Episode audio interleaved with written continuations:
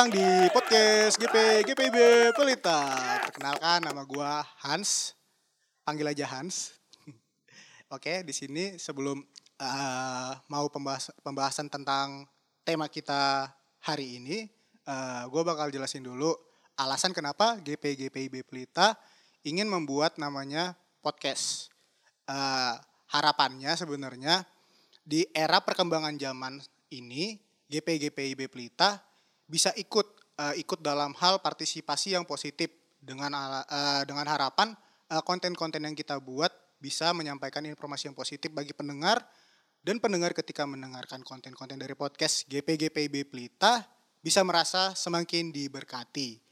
Uh, jadi di sini di hari ini yang cerah ini kita bakal membahas yang namanya Hari Kartini.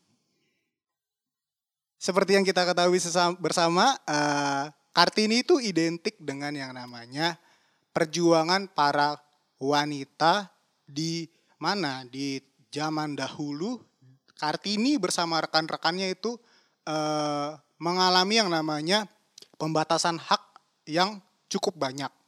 Ah, maka dari itu, uh, apakah Kartini yang zaman sekarang mengalami hal seperti itu? Hmm, menarik. Maka dari itu, uh, saya sebagai lelaki di sini tidak bisa menjelaskan karena saya bukan Kartini ya kan. Uh, kita butuh yang namanya narasumber untuk membantu saya di sini membahas uh, Kartini zaman sekarang. Maka dari itu kita panggilkan saja langsung Tiga Sri Kandi GPIB Pelita. Cek, cek, cek, cek,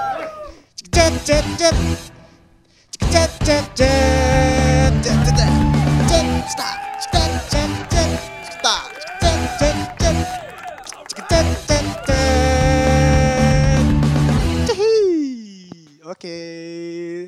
Halo, selamat siang, shalom. Ada ada siapa ini? Ya, oke okay, kalau dari situ. Shalom. Uh, sebelum kita mulai, uh, pasti teman-teman uh, di luar sana pasti bertanya kan ini siapa aja sih narasumbernya? Oke, dari situ uh, perkenalan dulu ya kali ya sebelum kita mulai lah. Dari yang paling cantik dulu kali ya yang di sebelah kanan saya. Silakan. Oke, shalom, selamat siang. Shalom. Uh, Kenalin saya dengan Ane Lengkong, Ketua Persekutuan Teruna GPIB Pelita. Selanjutnya, yang di sebelah saya. Oke. Halo, nama saya Katin Kagrasela. Saya Ketua Pelkat PA GPIB Pelita. Uh, adik-adik pelayan atau kakak-kakak pelayan juga biasanya kenal sama manggilnya Kak Dedes. Wow, Kak Dedes. Halo, silakan. Oke, perkenalkan nama gue Jennifer Isabella Noya. Teman-teman biasa manggilnya JJ. Uh, gue ketua dari GP GPB Pelita. Wow, teman-teman. Wow. Kita di sini uh, bersama ketua masing-masing Pelkat. Ada ketua Pelkat PT, PA, GP. Dua-dua eh tiga-tiganya wanita. Wow.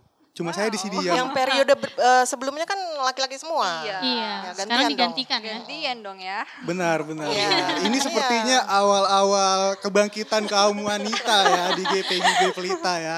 Uh, jadi uh, seperti yang kita ketahui sama-sama kita di sini mau bahas yang namanya uh, Hari Kartini. Uh, hmm. Tapi di sini saya nggak mau nanya, nggak mau nanya yang namanya itu Hari Kartini karena pasti sama-sama tahu Hari Kartini adalah peringatan tentang hari ulang tahun ibu kita Kartini ya. Masa ya, masa. Betul, ya, itu sepertinya betul, terlalu betul, general. okay. Jadi mau uh, bahas apa nih? Uh, jadi gue mau nanya uh, pandangan dari tiga Sri Kandi ini mengenai Kartini sebagai sosok itu gimana sih sebenarnya? Oke. Okay. Uh, Ya, siapa dulu? Hmm, ayo silakan gimana, siapa gimana? dulu. Jangan berantem, jangan Kita berantem. Sweet aja, Ini sweet, hadiah tiga hadiah tiga puluh lima juta ya. Eh, ini beneran ada hadiahnya. Tiga puluh lima juta. Oke. Okay. Langsung. Oh, ya, ini jawabannya ya. harus benar-benar ya. Iya. Oke. Okay. Okay. Siapa yang mau mulai duluan? Gimana gimana?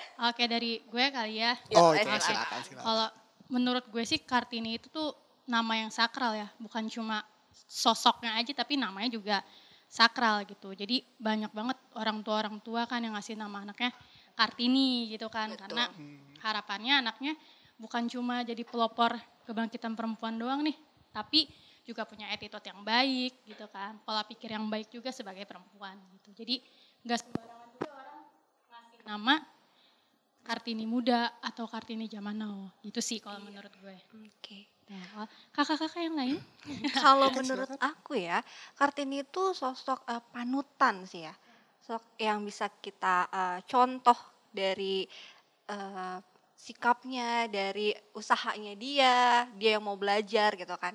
Prosesnya dia tuh panjang tapi tuh dia nggak getar gitu untuk Wow, gini. getar, Iya. getar bergoyang seperti ini enggak? tetap semangat gitu ya Getar, kan getar. sampai sampai pada akhirnya hasilnya ada ya kan sih dari dari semangatnya dia itu dari usahanya dia itu semangatnya ada gitu gitu sih Benar-benar. Jadi usaha tidak membohongi hasil ya. tidak mengkhianati Benar, hasil benar, sih benar. Baik, baik. Yang paling cantik, saya penasaran dengan jawabannya. Segitu ya cantiknya. Enggak, kalau aku sih menurut aku, kalau aku malah em, Kartini itu simbol aja gitu. Karena sebelum-sebelumnya sebenarnya pejuang-pejuang wanita kita tuh udah ada lebih dulu. Jadi dia jadi cuman eh, apa kayak bom waktu. Sebenarnya sebelum Kartini eh, memulai pergerakannya, perjuangannya, kan udah ada eh, perjuangan-perjuangan yang sebelumnya yang mungkin kita nggak tahu itu perempuan juga ada di medan perang gitu. Jadi eh, itu simbol aja bahwa wanita juga bisa dan itu eh, berjuang. Wanita itu pejuang gitu. Berarti Itu menurut eh, aku ya Iya, gitu. jadi Kartini itu sebagai simbol. Sebelumnya sebenarnya kalau kalaupun ada perjuangan yang direkam kebetulan eh, Kartini ini ter- direkam oleh Iya, ini ya. betul. Ada yang mencatat. Ada yang gitu. mencatat yang nggak- dia. Yang nggak tercatat mungkin banyak, Mungkin cuman banyak juga ya. ya Benar-benar. ya mungkin kita harus gali-gali dikit lah gitu. Jadi dia mungkin salah satu pencetus bahwa em, mengembalikan hak-hak wanita gitu. Jadi wanita itu sama sebenarnya gitu. Karena waktu itu budaya Jawa aja ya yang yang men apa ya menempatkan posisi wanita itu eh, di bawah Paling gitu. bawah, betul. Itu aja lah sih ya. Sebenarnya kan enggak juga gitu. Itu karena budaya. Benar-benar. Jadi Begitu. eh, cukup menarik jawaban dari ketiga Sri Kandi di sini. Kenapa saya panggil Sri Kandi? Karena saya eh, menganggap bahwasannya para wanita itu adalah sosok Sri Kandi yang di mana dia bisa melakukan hal-hal yang sebenarnya eh, di di dalam pikiran orang awam laki-laki nggak bisa eh perempuan nggak bisa melakukannya Ya. tapi Sri Kandi bisa membuktikan dengan dia melakukan hal yang bisa dilakukan oleh laki-laki Iya. ah next Eh, kita kan itu bahas eh, Kartini, Kartini the or- original Kartini ya kan, Ya. original Kartini. Nah sekarang eh, yang menjadi pertanyaan, kalau Kartini yang di masa sekarang itu gimana sih kalau menurut pandangan kalian dengan eh, dengan Maksudnya Kartini gimana sekarang? nih Kartini zaman sekarang? Ah, kalau Kartini yang zaman dulu kan simbol perjuangan eh, kesetaraan antara perempuan dengan laki-laki. Ya ya. Ah, sedangkan kalau yang Kartini sekarang apa gitu kalau menurut ah, kakak-kakak di sini? Apakah itu masih simbol perjuangan? Apakah Kartini-Kartini zaman sekarang ini masih eh, melakukan hal tersebut? Ya berjuang juga sampai sekarang sebenarnya karena eh, kalau menurut aku ya eh, perempuan tuh masih dianggap remeh gitu. Eh, sampai sekarang pun kita masih suka dianggap, ah lu nggak bisa Betul. gitu. Ya nggak sih? Ya, Eh, masih ada beberapa eh, apa namanya eh, hal yang kita dianggap nggak bisa. Itu cuman bisa dilakukan oleh laki-laki gitu. Jadi sampai sekarang wanita sebenarnya masih berjuang walaupun harusnya sih nggak usah kayak gitu. Tunjukin aja ya nggak sih? Iya. Gitu. Kartini sekarang tuh harusnya di- dilihat atau dipandang tuh sebagai pelengkap kali ya pelengkap para laki-laki ya nggak sih? Iya. Jadi bukan eh, kita udah nggak harus lagi bersaing yang eh, laki-laki. Oh kita harus bersaing nih supaya sama sama laki-laki. Iya, Tapi itu betul. kita harus nunjukin bahwa kita tuh pelengkapnya laki-laki gitu, pelengkap segalanya lah ya nggak sih? Iya, iya, Gitu, benar. Nah, berarti aku. tanpa tanpa wanita laki-laki itu nothing. apa ya. sih? Gitu. Iya nggak Ya sih? nggak gitu juga sih, nggak nggak gitu, gitu juga, nggak gitu Pokoknya juga. luar biasa lah wanita itu ya. Oh, kehadiran- laki-laki di ruangan ini pada panas ya, pada panas ya, semua Tapi harus laki-laki. diakui ya. nggak sih kehadiran perempuan itu wow banget buat Wow laki-laki ya banget. sih? Wow Karena banget. harus diakui juga perempuan zaman sekarang itu multitasking. Gak Betul. cuma Benar, benar. ngerjain satu pekerjaan doang gitu. Iya, betul. Kalau itu sepakat. Karena ada yang jadi pelajar, tetap tapi dia juga harus mengerjakan pekerjaan rumah juga bantu Yes, orang tua ya benar, kan. benar. Terlebih lagi juga ibu rumah tangga kayak Iya. kakak-kakak yang cantik ini ya kan. Iya Bener-bener. betul. Karena praktek di eh, keluarga, lingkungan keluarga masing-masing pun masih punya pemikiran yang namanya eh, perempuan atau wanita itu harus yang namanya bisa mengerjakan pekerjaan rumah, ya kan? Iya betul. Itu tuntutan ya. Iya, ketika dia sudah bisa mengerjakan pekerjaan rumah, dia harus lagi menuntut ilmu sekarang, nambah lagi ya Iya. kan. Yang Betul, yang dulu betul. tuh, yang dulu tuh sebenarnya dia cuma ngurusin rumah. Kalau sekarang ditambah lagi, lu harus bisa ngurus rumah dan lu juga harus bisa sukses di dunia pekerjaan. Iya. Jadi lebih berat kalau menurut gua sih kalau tantangan Nah, Kartini. Lebih banyak tanggung Sadar ya, sadar Iya, ya. Berat ya, berat. berat. Untung saya Bukan wanita wanita ya. bukan untung sih. Puji Tuhan. Enggak sebenarnya kalau kayak misalnya gini ya. Kalau misalnya dibilang wanita harus bisa mengerjakan pekerjaan rumah. Pekerjaan rumah itu bukan hanya dilakukan wanita loh. Ya benar. Gitu. It, sebenarnya itu banyak orang yang nggak sadar bahwa sebenarnya pekerjaan rumah itu nggak membedakan gender. Entah lo laki-laki atau perempuan, lo harus bisa mengerjakan pekerjaan rumah gitu. Cuman stigma yang ada di di kita, terutama di Indonesia ya. Kalau di luar negeri udah beda lagi tuh. Kalau di Indonesia tuh kebanyakan pokoknya perempuan itu misalnya udah sekolah tinggi-tinggi S1 tetap lo harus di rumah. nggak usah kerja, nggak usah nggak usah aneh-aneh deh di luar gitu. Harga mati gitu ya. udah Iya, perempuan iya benar. Nah itu yang harus kita ubah mindsetnya bahwa laki-laki juga sebenarnya bisa mengerjakan pekerjaan rumah.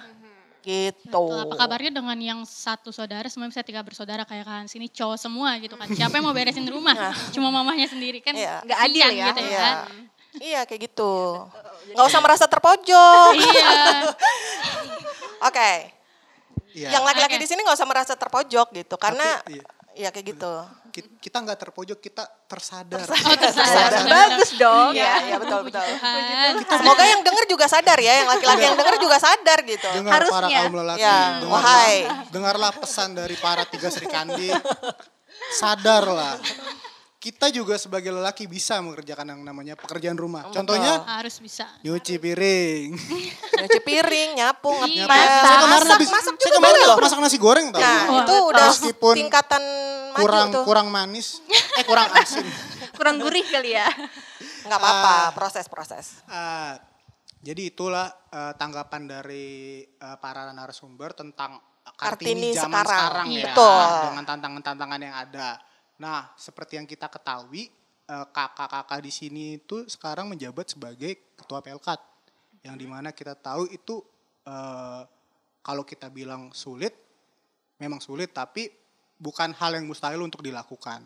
Tetapi eh, untuk sekarang posisi di mana posisi yang di mana Kak Ana sudah menikah, Ya. Kak Ana seorang ibu, Kak Dedes Ya. yang baru menikah, Jeji yang seorang anak, eh, alasannya tuh untuk melayani dan mengambil posisi sebagai ketua Pelkat ini apa gitu?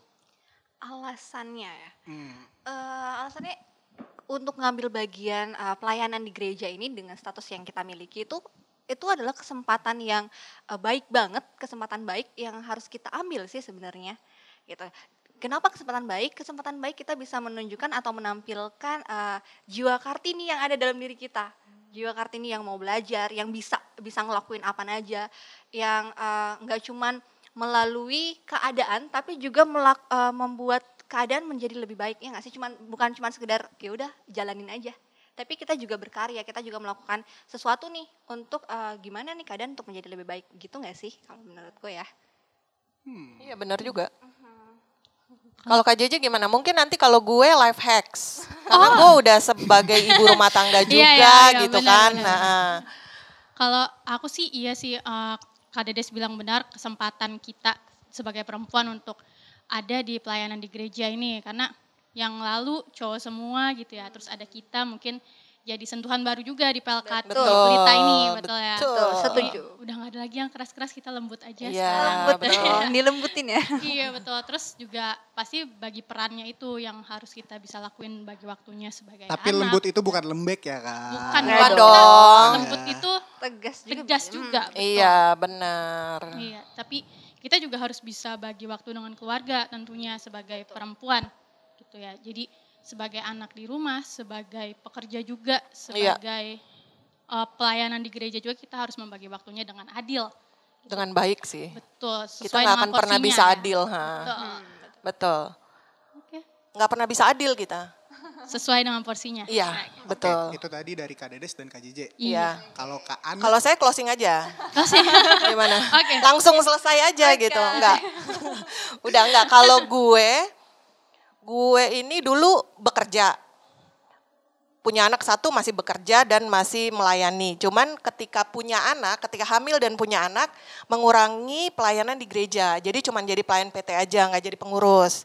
Jadi ketika ada kesempatan itu, aduh ntar deh gitu. Cuman memang dari dulu pelayanan di PT.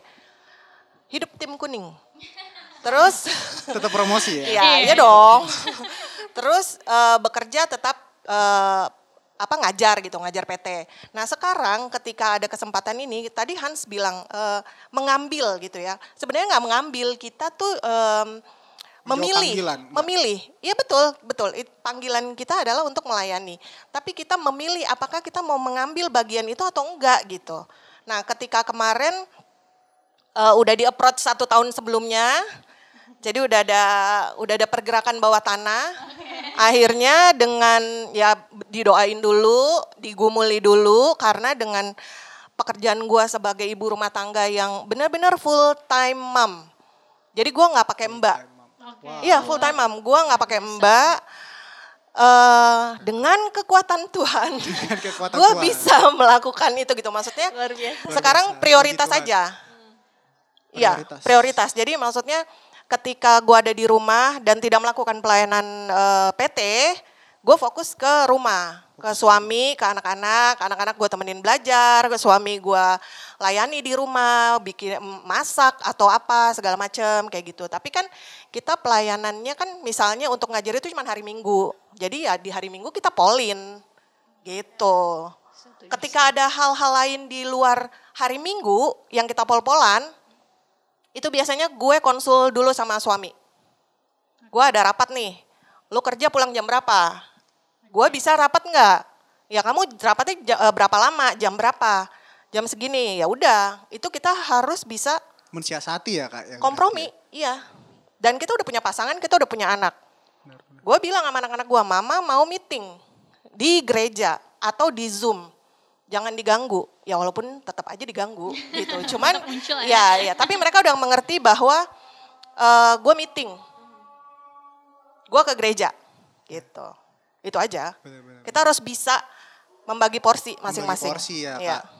Kembali lagi itu salah satu bentuk yang namanya perjuangan di mana zaman dulu tuh bener-bener full eh, wanita tuh yang ngurus anak. Iya. Nggak bakal punya kesempatan Nggak boleh. seperti saat Iya. ini. Nggak boleh, iya. Berarti ini masih dalam bentuk perjuangan di da- di era zaman sekarang Kartini kalau yang saya tangkap benar ya kan? perjuangannya udah beda. Perjuangannya udah sudah bukan beda, untuk betul. menuntut hak lagi untuk bisa bekerja, benar, tapi benar. kita berjuang untuk ya kita menjalankan semua dengan baik gitu. Benar, benar, Sesuai benar. porsi kata Sesuai Kak JJ. Benar-benar. Eh, Oke, nangkep, ngerti dan paham.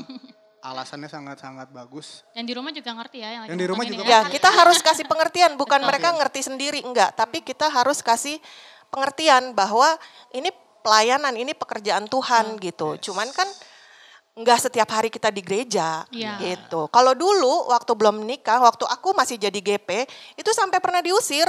Udah kamu tidur di gereja aja kayak gitu, enggak benar-benar. Ini ini it happens karena udah terlalu sering pulang malam dengan alasan gereja, bukan terus gue main-main ke mana gitu enggak, Iya. tapi memang Benar. Ada di yang gereja. dikerjakan. Iya, kayak gitu. Jadi ketika ketika gue jadi seorang ibu dan mungkin nanti akan mengizinkan anak gue untuk pelayanan gitu, gue akan ngerti. Iya. Gue nggak akan melarang dia asal bener ada di gereja melakukan pelayanan. Karena kan ya zaman berkembang ya. Anak-anak Iya. bisa aja bohong gitu. Mah gue mungkin gereja satu dua jam di gereja. tapi jam-jam berikutnya tahu ada di mana. mana gitu. yang kayak gitu aja. Gitu. Jadi gue ngerti jadi anak-anak gue nggak bisa bakalan bohong sama gue Ada pengalaman ya. ya. Anak-anak Binder dan det. Mama sudah tahu strategi kalian. Tuh, iya. Hati-hati dalam memilih strategi. ya. Lebih kreatif lagi. Iya. Oke. Betul. Jangan lakukan kesalahan yang mama lakukan dulu. Nah, Harus lebih kreatif. ya, betul. ingat. Oke. Ya kayak gitu. Jadi itu tadi jawaban dari narasumber, alasan-alasan kenapa mau eh, kalau kata Kak Ana tuh lebih memilih untuk mengambil, ya kan, mengambil pelayanan. Iya, Benar, itu pilihan. Semua kan pilihan bisa di hidup diambil ini. ataupun tidak Iya. diambil, tergantung kitanya mau atau enggak. Betul. Terlepas itu, eh, tapi kalau dari penjelasan Kak Ana tuh enggak sekedar perempuan ya Kak. Iya. Ter- meskipun kita lelaki, kalau kita kita nggak punya kesibukan, ya apalagi kayak Kak Ana nih. Karena kan sibuk banget tuh dengan eh, status sibuk barunya gue. sebagai ibu dan sebagai seorang istri. Nah kita laki-laki gimana nih yang di rumah nggak punya kesibukan itu apakah kita mau mengambil memilih untuk mengambil pelayanan yang ada di gereja Iya. atau enggak berkaca pada diri kita sendiri Semua balik ke eh, diri masing-masing aja. ya benar, benar, benar. Banyak yang terpanggil, sedikit yang terpilih. wow dalam sekali itu artinya Ngena kayaknya. oke Tapi ya gitulah. Lanjut, lanjut, lanjut. oke oke eh, berikutnya gue udah dengar alasan-alasannya tapi di balik kalian eh, mengambil dan menjalankan pasti namanya ada yang namanya tantangan ya kan Pasti. pasti. tantangan dalam melayani. Eh, mau tahu dong tantangan apa aja sih eh, di balik status kalian yang berbeda? Kalian kan sama-sama perempuan, tetapi memiliki status yang berbeda. Yep. Ibu, istri, anak juga, istri anak. Nah ini baru anak dan seorang tante, seorang tante. Oh, iya, iya, iya, seorang betul, tante. betul, betul. Tante, Tante, tante. Ah, penasaran nih tantangannya, tantangannya apa sih? Dari apakah berbeda atau apakah sama ternyata? Beda lah pasti. Pasti Ini beda. mau Kak Ana dulu yang paket komplit ya, atau kayaknya Jangan, jangan. jangan ya, Mau jangan. gimana? nih, Mau gimana? Soalnya Kayaknya- kan gue udah pernah mengalami di masa-masa mereka. Ya walaupun mungkin tantangannya beda ya. tantangannya beda. Oke, Kak Dede sama Kak Jiji kayak sweet. Iya, iya. Sweet ya. Sweet, sweet sweet. Oke, oke. Eh, tantangannya adalah yang kayaknya tadi udah dibahas juga ya tantangan kita berarti kita bagaimana caranya untuk bijaksana eh, mengambil bagian-bagian kita kita kan punya peran peran kita nggak cuma satu ya kan peran kita tuh bukan cuma sebagai pelayan di gereja ini tapi peran kita sebagai anak sebagai istri sebagai teman itu juga nggak bisa dipungkiri ya itu juga eh, peran kita gimana cara kita bijaksana untuk eh, mengambil atau menjalankan peran itu agar semuanya berjalan bersamaan dengan baik tidak ada masalah. Jadi jangan sampai eh, oke banget nih pelayanannya. Aduh, tapi sama teman-teman jadinya eh, hilang teman-teman atau enggak Berarti keluarga. tantangannya lebih ke pengambilan peran ya. Pengambilan perannya gimana bijaksana gitu. Supaya enggak eh, asal yaudah eh, jalanin aja jalanin tapi nggak taunya kita banyak yang kita keteteran, banyak yang kita tinggalkan Iya. gitu. Jangan sampai sih. Menjalankan itu gampang, tapi dam- eh, dampak dari apa yang kita jalankan itu itu yang berbahaya ya. Iya, Kak. karena kan kalau kita udah iya dengan segenap hati kita nggak main-main, iya nggak Iya, sih? Iya, Gitu. betul, betul. gitu sih kalau menurut aku bijaksana bahwa dalam doa dan imani sih kalau kita mampu untuk melakukan peran-peran itu dengan bijaksana dengan baik. Iya. Ya, tapi udah ke solusi tapi Kak Dedes kayaknya ya. Oh iya iya. Iya. tapi nggak Gak apa-apa. apa-apa, gak apa-apa, gak apa-apa. ya. Nggak apa-apa. Untuk mempersingkat waktu. Membersihkan waktu. Karena kayaknya durasi kita udah kelamaan Udah kayaknya. dimasukin tadi kayaknya. Durasi Udah udah ada kelamaan. kode-kode nih dari Udah sound. Jadi nggak salah ya. Nggak apa-apa. Gue sama merah mukanya kan nggak apa-apa. Nggak. Oke. Nggak kerekam juga ya. Nggak kerekam kok. Kita bakal cut. Iya. Kita bakal cut. Oke. Oke, baik. Berikutnya berarti JJ. Oke, kalau Silakan. dari aku tantangannya sih dari keluarga ya kayaknya. Soalnya aku di rumah Biasa itu, itu. tinggalnya cuma bertiga nih, tinggal bertiga. Kakak-kakak semuanya udah nikah. Jadi yang paling besar itu di rumah ada aku sama Dede Valen. Dede. Dede ya, Hai semuanya Dede di rumah. Dede. Hai Dede, semoga nonton jadi didengar ya, tolong. jadi kalau uh, aku pergi pelayanan tuh pasti di rumah kadang kosong karena Valen punya kesibukan yang lain gitu kan. Jadi membagi waktunya itu sih yang Iya. kita harus bisa gitu. Benar. Jadi dibatasin juga waktu di gereja sampai jam berapa biar kita punya waktu juga untuk menjaga orang tua nih. Di rumah. Karena orang tua udah udah tua gitu Iya, kan. Jadi ini betul. saatnya kita untuk menjaga orang tua. Iya. Itu sih Setuju. dari Waktu aku. jadinya. Iya, Waktu betul. ya. Waktu. Tantangannya tuh di waktu. Di waktu, maksudnya. iya betul. roda berputar. Roda Sekarang adalah giliran Anda. Iya benar. Iya, Giliran apa? giliran untuk menjalankan tugas. Oh iya, oh iya, iya betul, betul. Benar, Tugas di benar. keluarga. Iya, Sebagai betul, yang betul. Besar. Tua kak. Tua. Tua kan? Apalagi eh, gimana gue? Jangan disebut dong. Iya. Jangan ngomongin umur. Iya. Jangan ngomongin tua. Eh, pemilihan peran waktu Iya. sekarang Ya, kalau karena kalau gue sama waktu. Waktu ya. Waktu bener karena eh 24 jam itu kayaknya kurang gitu. Cuman kalau kita minta lebih lagi Nggak- apa yang akan terjadi dengan tubuh kita saudara-saudara? Kita ajukan aja nanti. Ya enggak enggak maksudnya Tuhan tuh kan udah udah udah ngasih Kirim surat Udah- ke presiden. Iya. Tolong Pak, 24 jam, jam itu masih kurang. ditambahin, iya. Kita butuh Jadi atur ya. tambahan 7 jam. Kita butuh tambahan 8 jam. 8 jam, untuk jadi- tidur. Untuk tidur. Jadi 24 jam itu kerja. Aktivitas Untuk tidur 8 jam 8 jam tidur. tidur. Tolong Pak, Ya, saya mohon. mohon dimengerti. permohonan kami. Karena emang sebenarnya kalau gue bilang semua kita tuh eh, waktu. Waktu ya. Pada nyadar nggak nih kalau sekarang udah mau Mei? Nggak nyadar kan? Karena kita terlalu sibuk sama pekerjaan kita gitu. Jadi kayaknya besok udah harus ngapain? Be- Ini udah harus diedit, ini udah harus tayang, kita udah harus pelayanan, ini itu apa segala besok aja udah mesti pelayanan yang kayak gitu. Iya. Itu kita tuh tantangannya tuh di waktu. Kalau misalnya orang-orang yang dekat sama kita, keluarga kita, kita masih bisa kasih pengertian loh untuk tantangan-tantangan kita.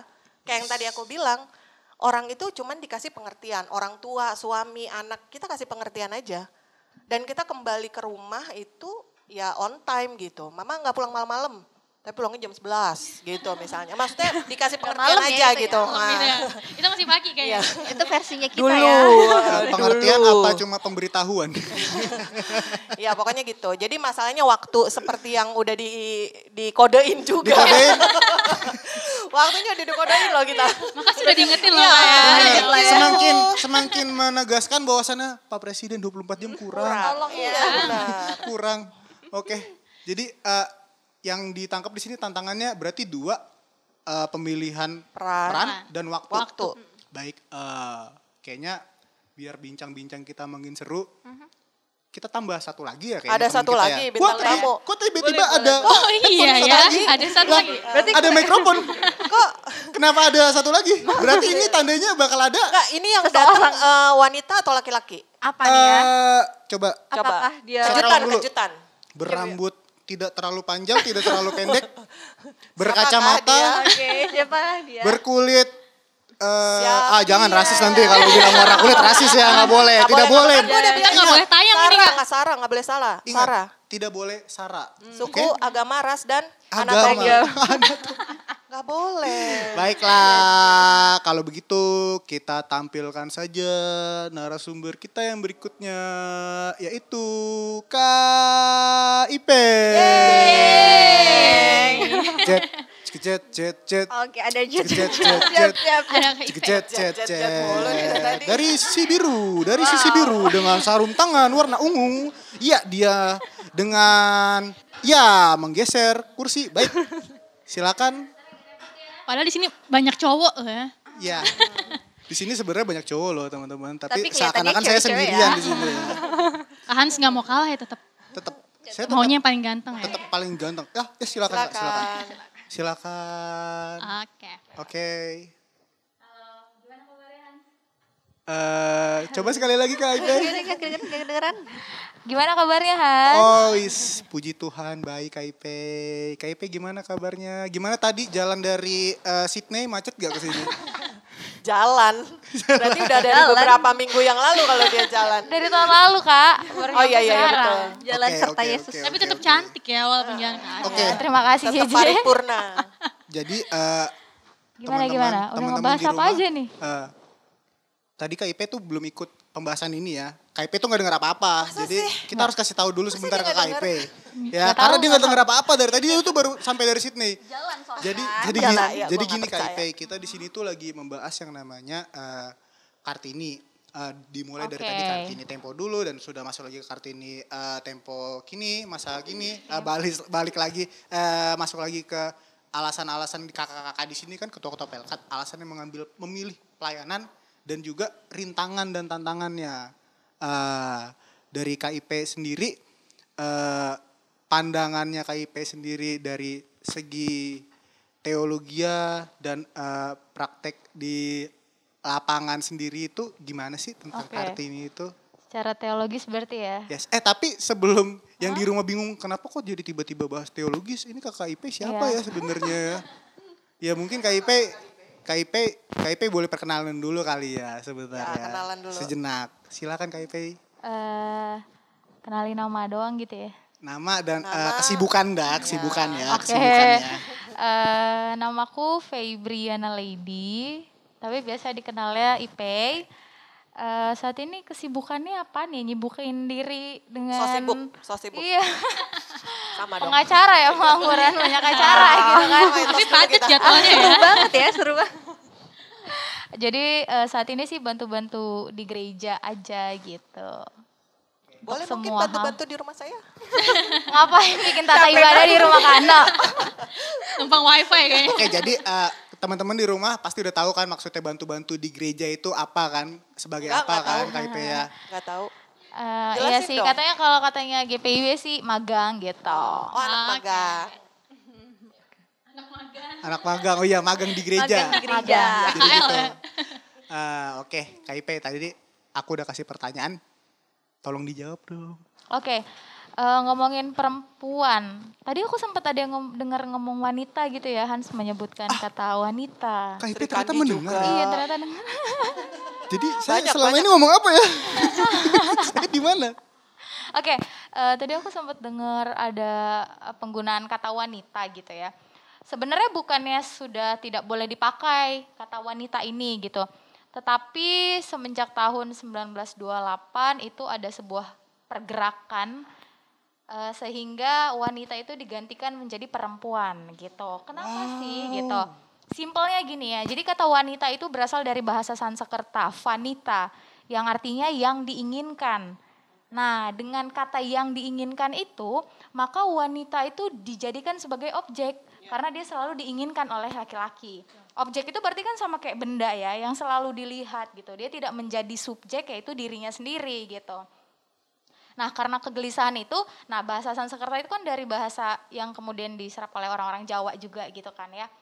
Eh, akhirnya kata wanita ini jadi punya turunan kata kewanitaan yang dikorelasikan atau dihubungkan sama putri-putri di keraton gitu. Nah, putri keraton tuh gimana sikapnya? Lemah lembut, halus, sopan gitu kan. Nah, karena sifat-sifat itu akhirnya kata wanita itu tuh menjadi apa ya? terbatas gitu. Jadi kalau yang lemah lembut, sopan eh, itu adalah wanita gitu. Tapi kalau misalkan Yang tomboy bukan Iya wanita. kan? Tomboy bukan Jadi wanita. kalau yang Sampangan. kalau misalkan yang memang eh, apa namanya nggak serampangan juga ya kayak agak ekstrim ya. Tetapi mungkin yang kadang-kadang dia ceplas-ceplos gitu. Tapi karena memang itu tipikalnya dia, Betul. misalkan gitu, dia tidak masuk dalam golongan wanita gitu kan.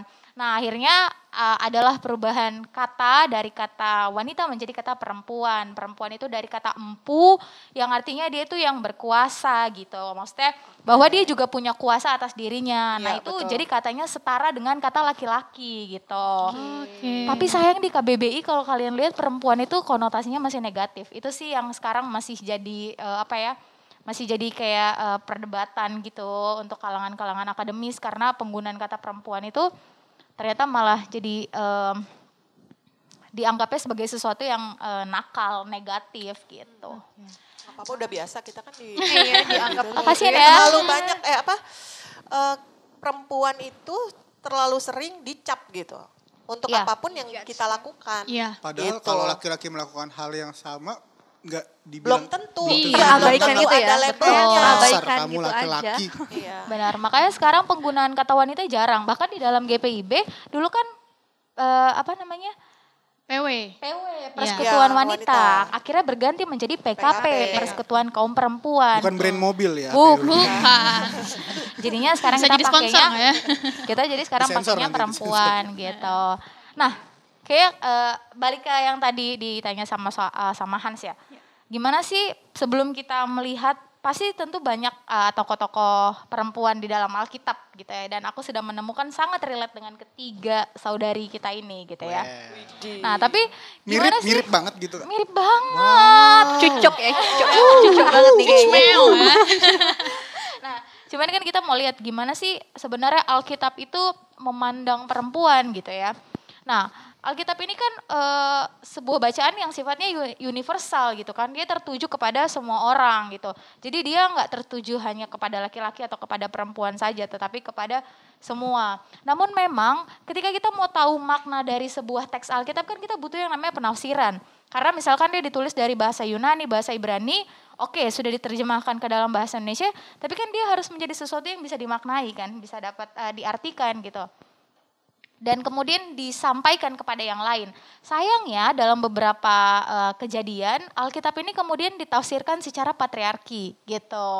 Tahu dong eh, budaya patriarki itu? Apa sih patriarki? Betul kak. Eh, laki-laki menjadi Laki-laki. Enggak. laki-laki iya Iya. Patrilineal Iya, jadi Ya, jadi semua berfokusnya pada laki-laki gitu. ya. Jadi eh, laki-laki yang punya kuasa atas segala sesuatu Segalanya. di dunia ini gitu, Wow, budaya mirip-mirip patriarki. Tuhan dong berarti laki-laki Benar, Iya, benar, benar. benar, benar Hans, ya. betul. Wow.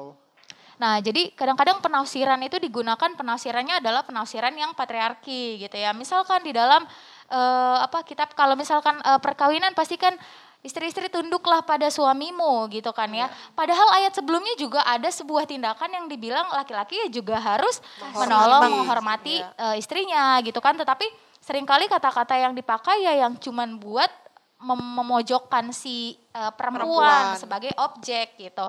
Oleh karena itu dalam melihat Alkitab khususnya dalam kacamata perempuan dibutuhkan namanya tafsiran feminis. Jadi jangan Ada itu? anti, ada. Oh, Jadi oke. jangan eh, anti dengan feminisme gitu ya. Iya. Karena dalam teologi, teologi pun ada penafsiran feminis. Apa sih penafsiran feminis? Pema- penafsiran feminis sebenarnya ti- tidak jauh berbeda dengan yang lain. Jadi kacamata yang mau dipakai adalah kacamata dari pengalaman perempuan gitu. Oke. Jadi sering kali kan eh, di dalam Alkitab banyak kata aku yang digunakan gitu yang tidak merujuk pada perempuan ataupun laki-laki gitu Iya, kan. iya. Tetapi kalau kita melihatnya pakai kacamata feminis mungkin saja itu berbicara tentang perempuan, Perempuan. gitu.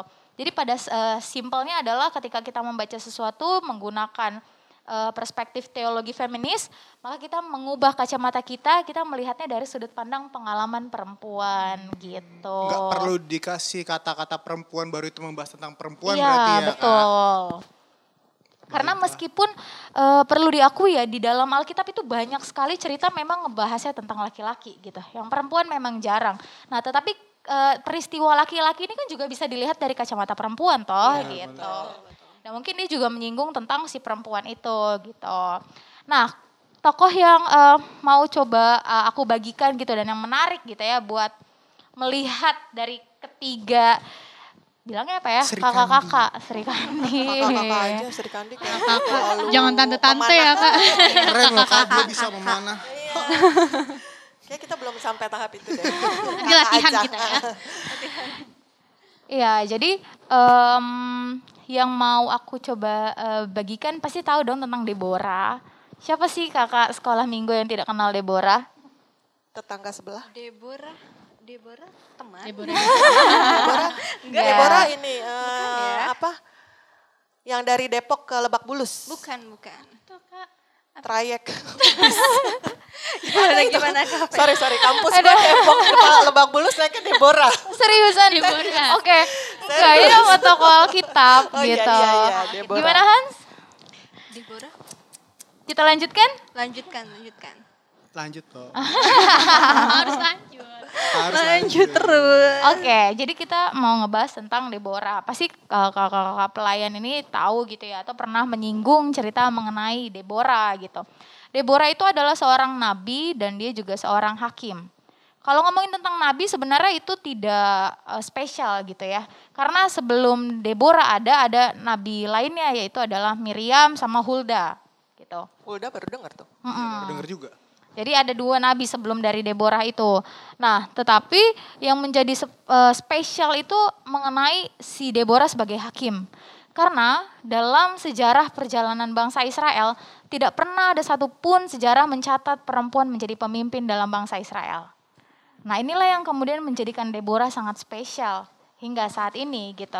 Karena di tengah-tengah uh, budaya patriarki yang sangat hebat gitu ya di Israel, uh, Deborah ini dengan segala kemampuannya dia berani untuk menjadi pemimpin gitu.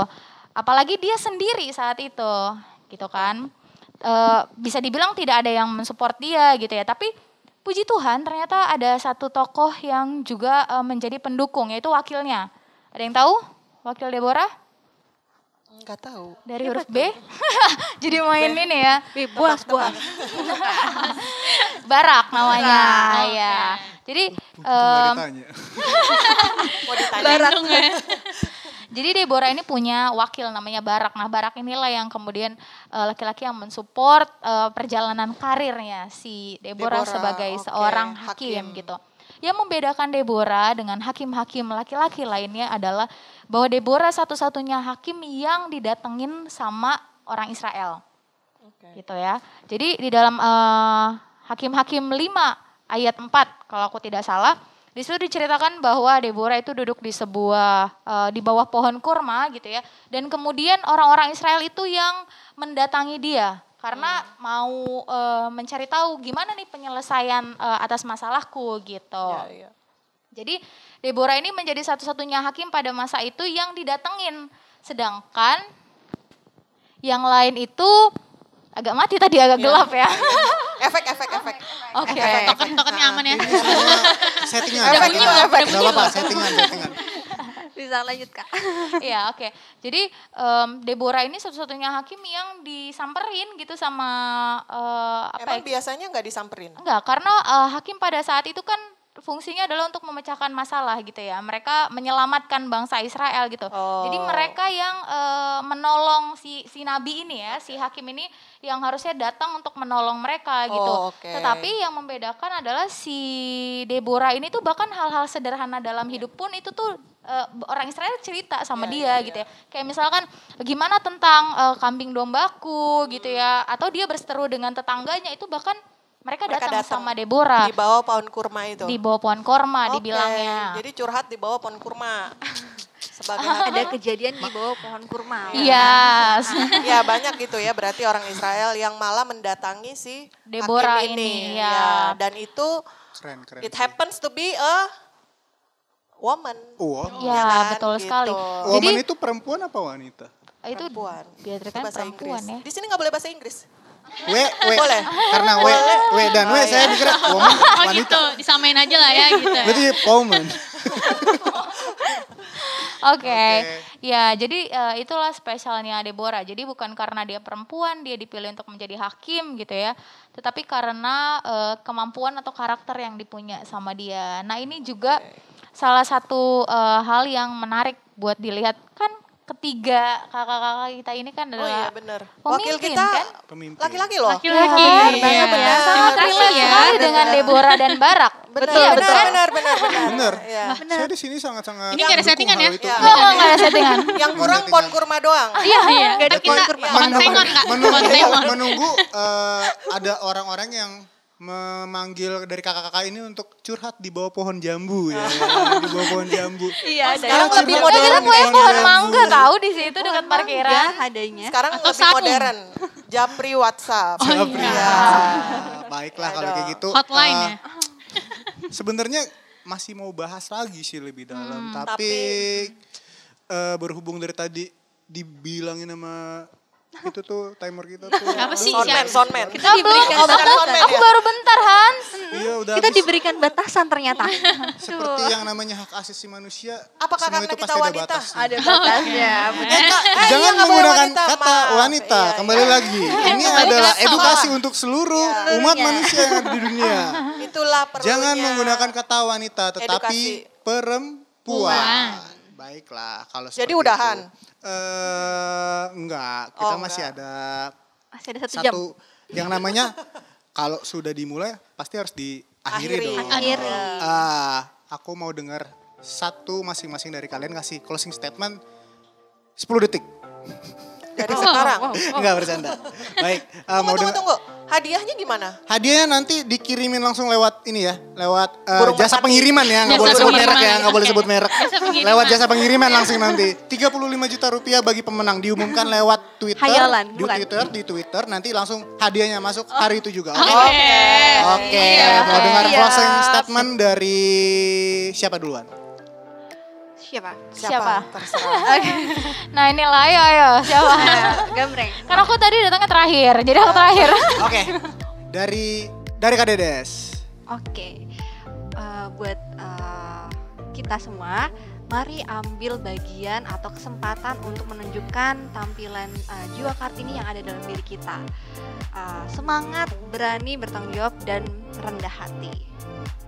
Oke. Nice. Oke, kalau dari gue sih buat teman-teman terkhusus yang perempuan, jangan pernah mengeluh dan jangan pernah takut untuk menjadi perempuan, tapi tunjukin kalau kita kuat dan kita bisa melalui semuanya itu. Yes. Oke. Oke. Kak Anu.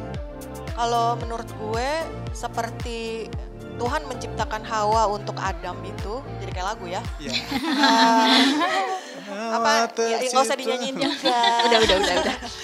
Jadi eh, Adam itu nggak bisa sendiri. Jadi Tuhan menciptakan seorang perempuan supaya dia bisa bersama-sama mengerjakan apa yang udah Tuhan siapkan untuk mereka. Gitu.